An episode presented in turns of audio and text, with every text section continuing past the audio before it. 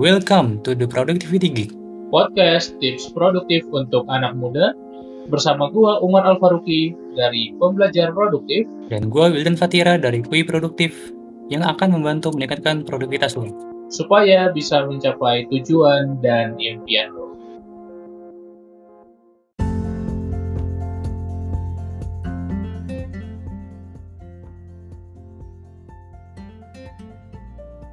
Halo, halo, halo, listener The Productivity Geek di mana pun lo berada. Semoga lo sehat selalu, bisa terus enjoy apa yang lo sedang perjuangkan, mencapai tujuan-tujuan lo, dan semakin produktif bareng gua dan Wildan.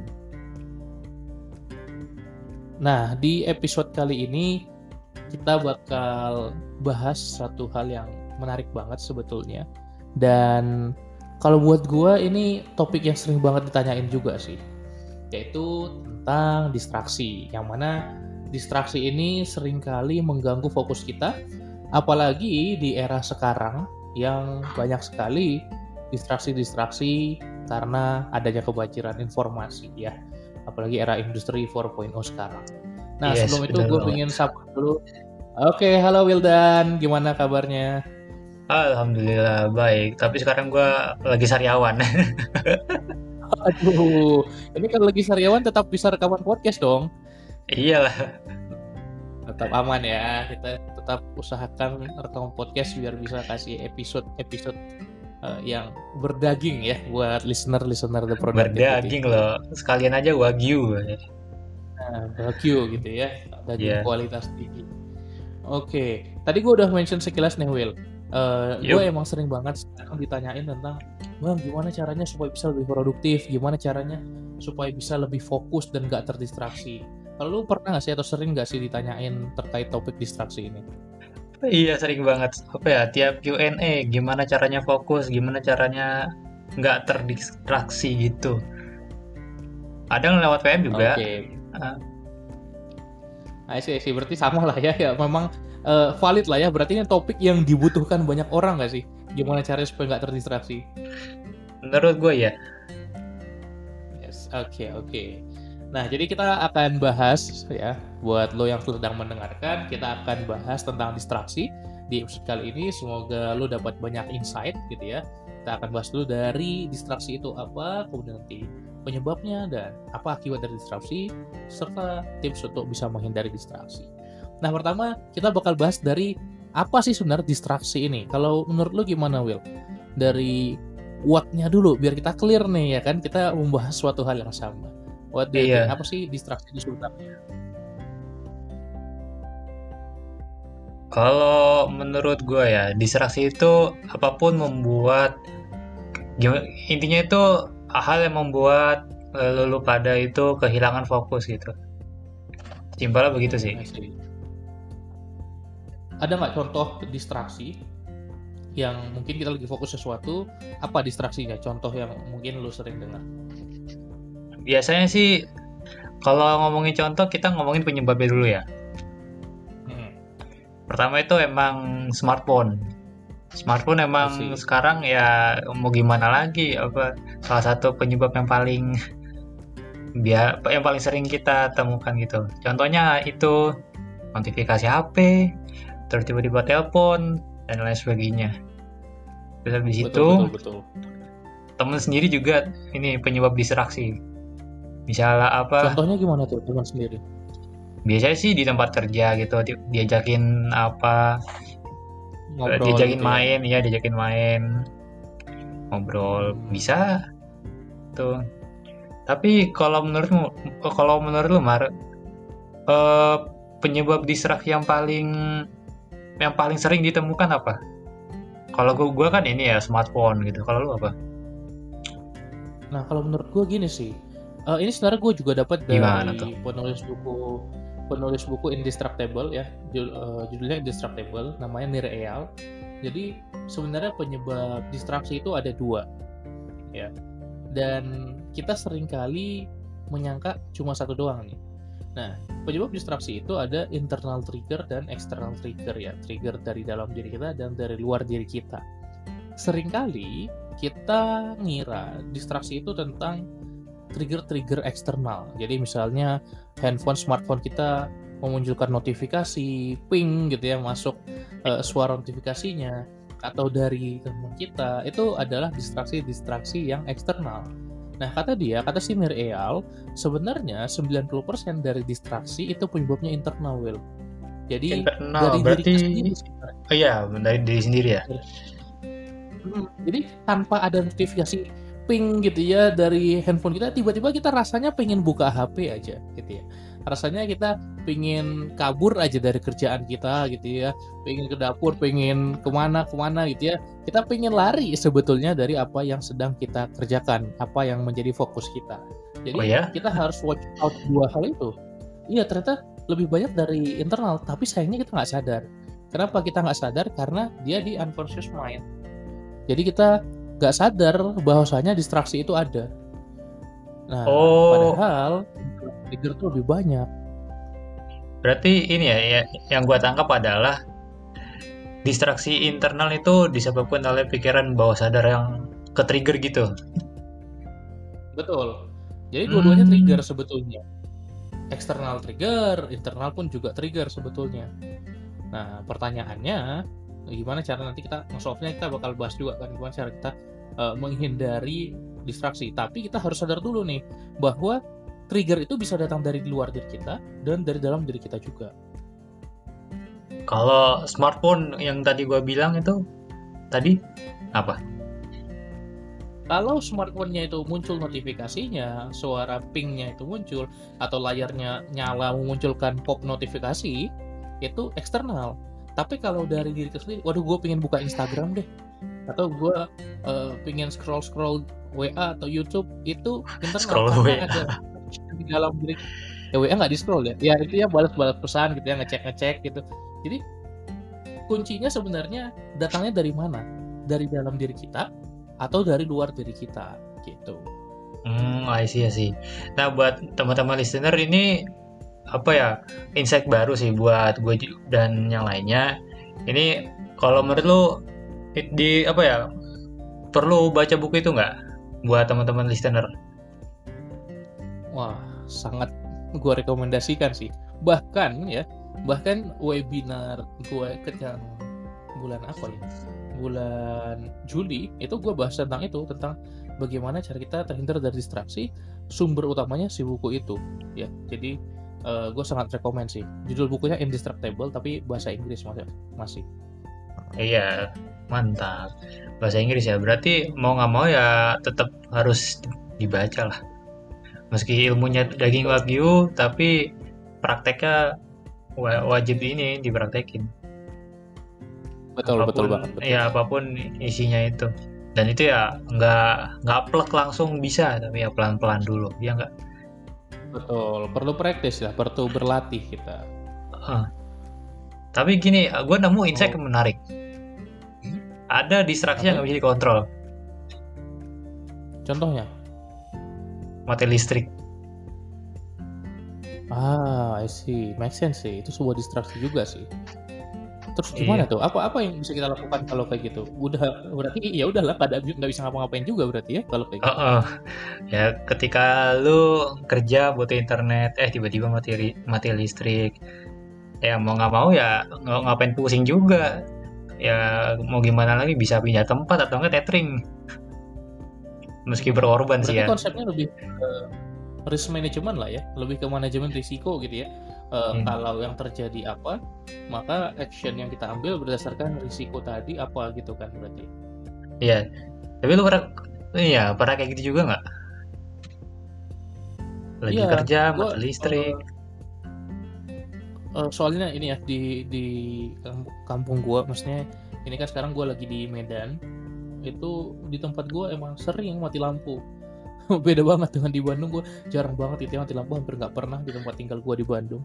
Jadi di Medan tuh em, apa ya kayak rutin pemadaman bergilir gitu. Jadi eh, suka kesel gitu ya karena kan wifi mati ya. Mau nggak mau kalau misalnya mau lanjut kerja atau lanjut zoom meeting pakai paket data dan kalaupun bisa internet ya laptop kan nggak bisa sepanjang itu battery lifespan-nya kan akhirnya Eh, iya. gue harus nggak bisa kerja gitu karena nggak bisa ngecas juga gitu sih Ya mau nggak mau ya pindah tempat ya ke kafe yang ada wifi-nya. Tapi balik lagi tergantung orang sih. Apa ada yang orang suka ke kafe gitu. Mhm. Tapi kalau lu eh, sebenarnya enjoy kerja di mana eh, kerja, gue fleksibel sih. Pernah ini bikin Ah. waktu itu ngerjain skripsi di kafe, habis itu di kosan zaman dulu pernah gitu. Tapi sekarang kan lagi pandemi ya, gue lebih banyak ngabisin waktu di, waktu di rumah. oh oke I see, I see, I see. Dan Ya sebenarnya gini kan Will, kalau kalau buat gue ya, ini kalau tadi bahas tentang tem- tempat kerja gitu ya, ya gue kan di Bandung juga punya kosan, tapi ini satu distraksi buat gue ya, yaitu di samping meja kerja gue, namanya di kosan, ya kasur gitu. Jadi kasur tuh sering jadi distraksi juga buat gue. Itulah kenapa gue mencoba mencari tempat yang mengurangi potensi distraksi gue gimana caranya supaya nggak ada kasur? Ya udah gue pindah tempat. Makanya gue lebih sering kerja di coffee shop atau co-working space gitu ya. Karena yang nggak ada kasur gue gitu jadi sebenarnya eh, bisa mengurangi potensi distraksi kalau kita pindah-pindah tempat itu kalau menanggapi yang tadi sih terus kalau apa? Kalau pakai meja kecil terus ini laptopnya di di atas kasur gimana tuh? gue juga sempat pernah sih kayak gitu ya membantu sih tapi nggak seefektif itu kalau menurut gue karena eh, gini ya karena di subconscious mind kita ya kasur tuh tempat untuk istirahat tempat untuk tidur gitu ya. Jadi kalau kayak digabung-gabungin ya menurut gue ya at least buat gue ya at least buat gue nggak terlalu efektif sih. Jadi eh, bawaannya mungkin lebih malas daripada kalau gue memang di tempat yang emang dedicated ya udah gue kerja tujuannya gitu loh. Hmm, gitu. Tapi ada lagi satu apa ya, distraksi yang nggak bisa dikontrol, yaitu apa tuh? ketika lu kebelet. I see I see I see. Nah sebenarnya kalau ini eh, ini kita sekaligus bahas tentang solusinya nggak apa-apa kali ya? Ya bisa. Em, kalau gue gini sih kalau gue selalu mencoba untuk memulai pekerjaan gitu ya mulai sesi fokus gue itu dengan meminimalkan potensi distraksi ya. Apa contohnya? Potensi distraksi ketika kita kerja. Tadi contohnya kebelet gitu ya jadi ya udah gue eh, ya coba buang air dulu. Atau misalnya gue tiba-tiba haus perlu ngambil minum ke dapur ya udah gue sediain minum dulu sebelum mulai kerja. Eh, charger mouse alat tulis segala macam gue ready dulu. Supaya apa? Supaya eh, semua potensi-potensi distraksi yang kita kepikiran itu udah hilang semua. Jadi gue bener-bener ready untuk kerja dan akhirnya tidak terdistraksi. Nah satu lagi tambahannya mungkin teman-teman juga udah tahu ya metode Pomodoro di mana kita istirahat singkat eh, di sela-sela pekerjaan. Nah di sela-sela itu ya udah gue coba eh, riset lagi gitu ya ambil minum lagi kalau udah habis gitu ya. Jalan singkat gitu ya biar eh, nggak ngilangin distraksi pegel gitu ya ke toilet dulu. Dan itu membuat gue bisa ready lagi untuk sesi fokus berikutnya. Kalau gue gitu sih Will walaupun tetap aja ada kemungkinan ya kebelet ketika sesi fokusnya tapi seenggaknya gue udah berusaha untuk mengurangi potensi terjadinya distraksi itu gitu Oh, menarik, menarik. Tapi kalau gue gini sih, waktu jeda Pomodoro itu, ya gue tadi, tadi gue ambil air atau enggak ke kasur itu menjamin mata bentaran. Yang namanya capek kan, udah 25 menit fokus, ya kita betul, betul. istirahat sejenak. Itu. I see, I see, I see. Oke, mungkin sebelum kita masuk lebih detail ke tips-tips untuk terhindar dari distraksi ini, gue pingin nanya dulu nih, kalau menurut lo, akibat apa aja sih yang bisa ditimbulkan dari distraksi? Kita udah bahas tadi penyebabnya kan, ada trigger internal, eksternal, ada banyak tadi contoh-contohnya udah kita bahas. Nah, akibatnya apa nih? Kalau orang udah terdistraksi, apa eh, problem yang bisa muncul? Kalau gue ya, itu bakal lama selesai ini ngerjain tugasnya. Ketika lagi fokus ngerjain tugas, ke distraksi, yang awalnya fokus kita ngerjainnya setengah jam, eh tiba-tiba sering ke distraksi, lama-lama jadi satu jam dua jam.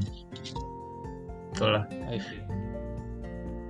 Eh, Kenapa ter- menurut lo bisa Kalau menurut lama gitu? apa ya mungkin ya tiap orang beda-beda sih kasusnya tapi kalau gue itu gue rasa ada ada hal yang bikin lu jenuh gitu waktu ngerjain tugas biasanya gitu sih Oke. I see, I see, I see.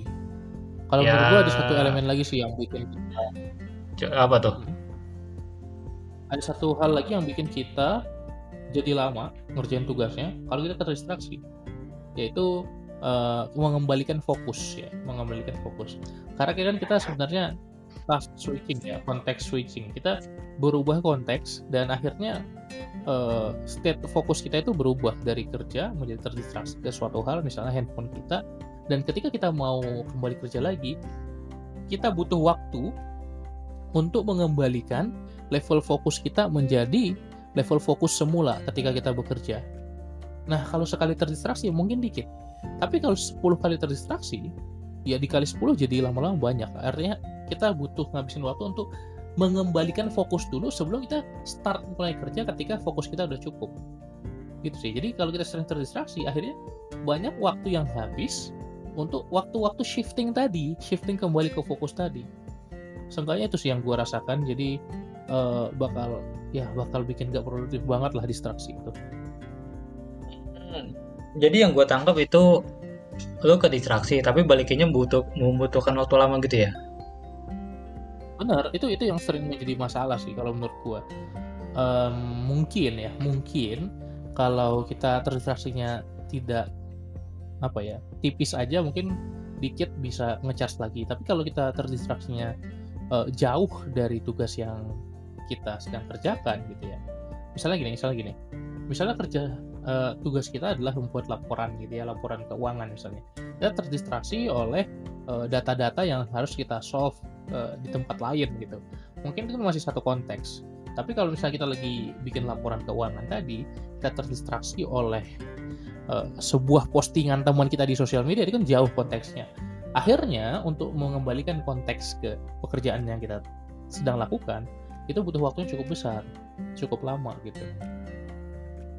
Hmm, tapi lu pernah testing juga nggak sih berapa lama buat balikin ini Ah, sebenarnya kalau itu udah banyak banget oil research-nya. Ada yang bilang 13 menit, 20 sekian menit. Gue lupa ya, gue lupa ya angka-angka tepatnya berapa. Eh, tapi sekitar belasan sampai 20-an menit setahu gue. Nah, artinya untuk setiap pekerjaan itu akan beda, Will. Dan untuk setiap orang juga akan beda. Karena akhirnya ini kembali lagi ke eh, sebuah skill, nah sempat masuk top 10 skills 2020 juga, namanya cognitive flexibility. Seberapa kita mudah berpindah eh, berpindah pekerjaan, berpindah fokus dan mudah untuk nge-regain fokusnya tadi. Jadi sebenarnya tiap orang bakal beda-beda sendiri sih. Kalau untuk gue sendiri gue belum pernah ukur tepatnya berapa. Tapi em, seenggaknya gue compare aja gitu. Gue terdistraksi sama gue nggak terdistraksi beda jauh coy pekerjaannya. Gue pernah bikin laporan bener-bener fokus itu 40 menit beres tapi gak fokus jadi dua jam. Gue pernah dan berkali-kali gitu tapi gue belum cukup banyak eksperimen lah gitu ya jadi gue nggak ada angka eksak eksaknya sebetulnya hmm menarik menarik ini kalau menurut gua itu daging banget sih selama ini yang kita bahas hmm. I see, I see. Oke. oke berarti kita langsung aja ya ke poin utama nih. Poin utamanya gimana tipsnya? Tadi kita udah bahas tentang penyebabnya akibatnya juga. Tipsnya apa nih? Supaya kita tidak terdistraksi. Coba mungkin dari lo dulu Will ini ya apa orang-orang udah pada tahu ya kalau apa gua gue itu emang test oriented banget ya. Kalau gua itu install apps Forest. Nah terus habis itu gua kadang gue jauhin HP dari meja belajar ke kamar sebelah gitu. Kalau gua. Terus habis itu ya balik lagi ke Pomodoro teknik. Lah. terus apa ya? Coba bikin itu ketika teman-teman fokus ngerjain tugas itu coba dibikin apa pun yang semenarik mungkin gitu lah. jadi jangan terkesan boring gitu. Contohnya gimana eh itu beda-beda tiap orang ya. Kalau gua ngerjain tugas itu kadang ditemani musik lofi gitu. Hmm, atau enggak apa ya ini yang jarang orang tahu ya. Lu tahu ini nggak gamifikasi gitu? Iya, I know. Kayak Habitika dan ya banyak lah ya terus terus. ya gitulah. Jadi makin jadi makin semangat gitu ketika lo ngerjain tugas atau berproduktif.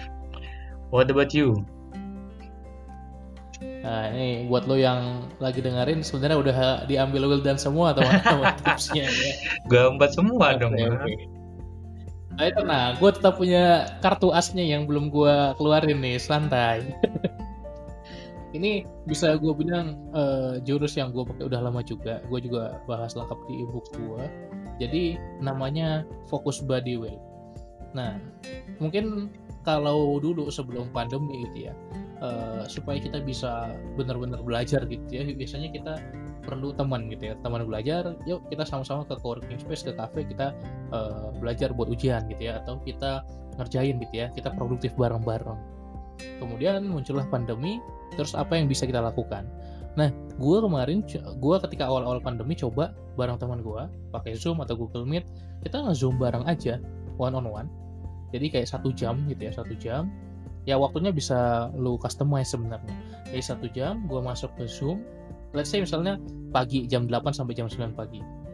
Jam 8 eh, sesuai jadwal kita sama-sama masuk ke Zoom. Terus gue bilang oke di sesi ini gue pingin fokus bikin A B C D E. Task yang gue targetkan adalah ini ini ini. Dia juga bilang gitu ya gue akan targetkan ini ini ini.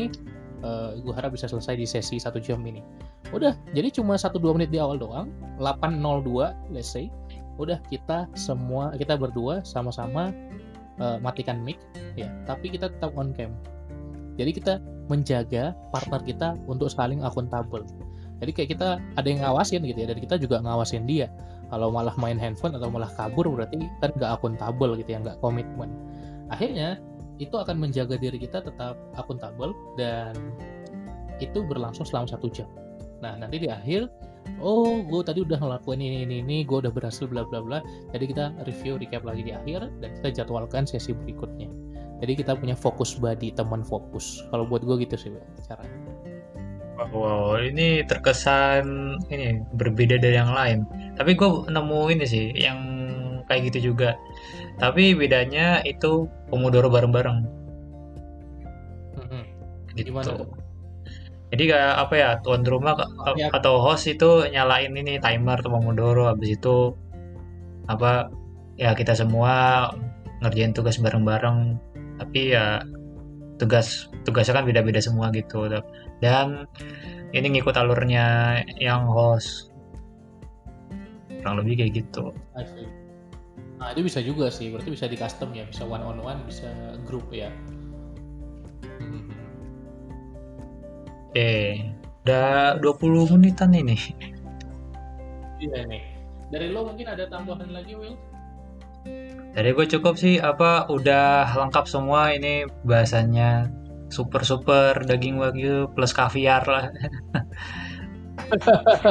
Jadi mahal dong harga podcast ini. Ya bisa, bisa juga. Gua dari gua ini sih paling Will. Sebelum eh, sebelum lu tutup nih, ada satu quotes yang menurut gua kena banget di gua. Bahkan itu gua tempel di di laptop gua. Tempel di laptop gua cuma satu, yaitu quotes itu. Dan quotes ini gua dapatkan dari bukunya Gary Keller The One Thing. Menurut gua ini satu hal yang perlu kita tanamkan di mindset kita, gitu ya. Segala hal yang tidak menjadi fokus kita itu distraksi sebetulnya. Meskipun hal-hal yang produktif, ya meskipun hal-hal produktif misalnya gue lagi ngerjain laporan eh, presentasi ya presentasi laporan ke klien gitu ya. Terus gue mau melakukan hal produktif lain misalnya analisis data pemasaran tim gue gitu kan. Tapi itu bukan yang seharusnya gue kerjakan di jadwal gue sekarang bukan task yang harusnya gue accomplish sekarang itu pun distraksi gitu ya. Jadi distraksi itu bukan hanya hal-hal konsumtif main HP yes itu distraksi gitu ya. Tapi hal-hal produktif itu sebenarnya juga distraksi jadi kita harus fokus ke one thing yang kita harus selesaikan jadi quotes-nya bunyinya seperti ini. Until my one thing is done, everything else is distraction. Until my one thing is done, everything else is distraction. Uh, sampai hal penting yang gue harus lakukan itu beres, maka yang lainnya adalah distraksi. Mungkin kalau dari gue itu sih yang bisa nge-sum up uh, dan mungkin menutup kalau dari gua gitu Will. Yup, ya sesuai dengan judul bukunya The One Thing dan kita harus fokus pada satu hal gitu. Oke, mungkin coba gua recap dari awal dari dari awal ke akhir ya. Dan dimulai dari ya apa itu distraksi? Distraksi adalah apa pun yang membuat kamu gagal fokus dan intinya gitu. Sedangkan penyebabnya itu ya bisa jadi smartphone, temen atau bahkan diri sendiri juga bisa dan yang lebih lanjutnya bisa apa teman-teman listener baca buku atau e-booknya Indestructible karangan dari siapa Mar? Dari Nir Eyal Nir Eyal itu ratingnya berapa kalau menurut lo rating bukunya? Ratingnya 5 skala 5 oh, oke. Okay. Oke dan akibatnya itu ya bermacam-macam. Dan solusinya tadi itu dan ya berbeda-beda sih dari kita berdua. Ya kurang lebih itu sih. Ah, sum up-nya. Oke okay, very good. Nice sum up Will Oke, okay, jangan lupa apa teman-teman listener mention at pembelajar produktif dan at quick produktif kalau misalnya episode kali ini sangat bermanfaat dan mengandung daging plus kaviar.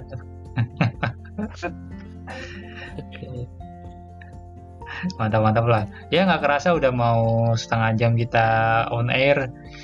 Dari kami cukup sampai di sini and see you the, to the next episode. Sampai jumpa. Sampai jumpa Bye. listener to productivity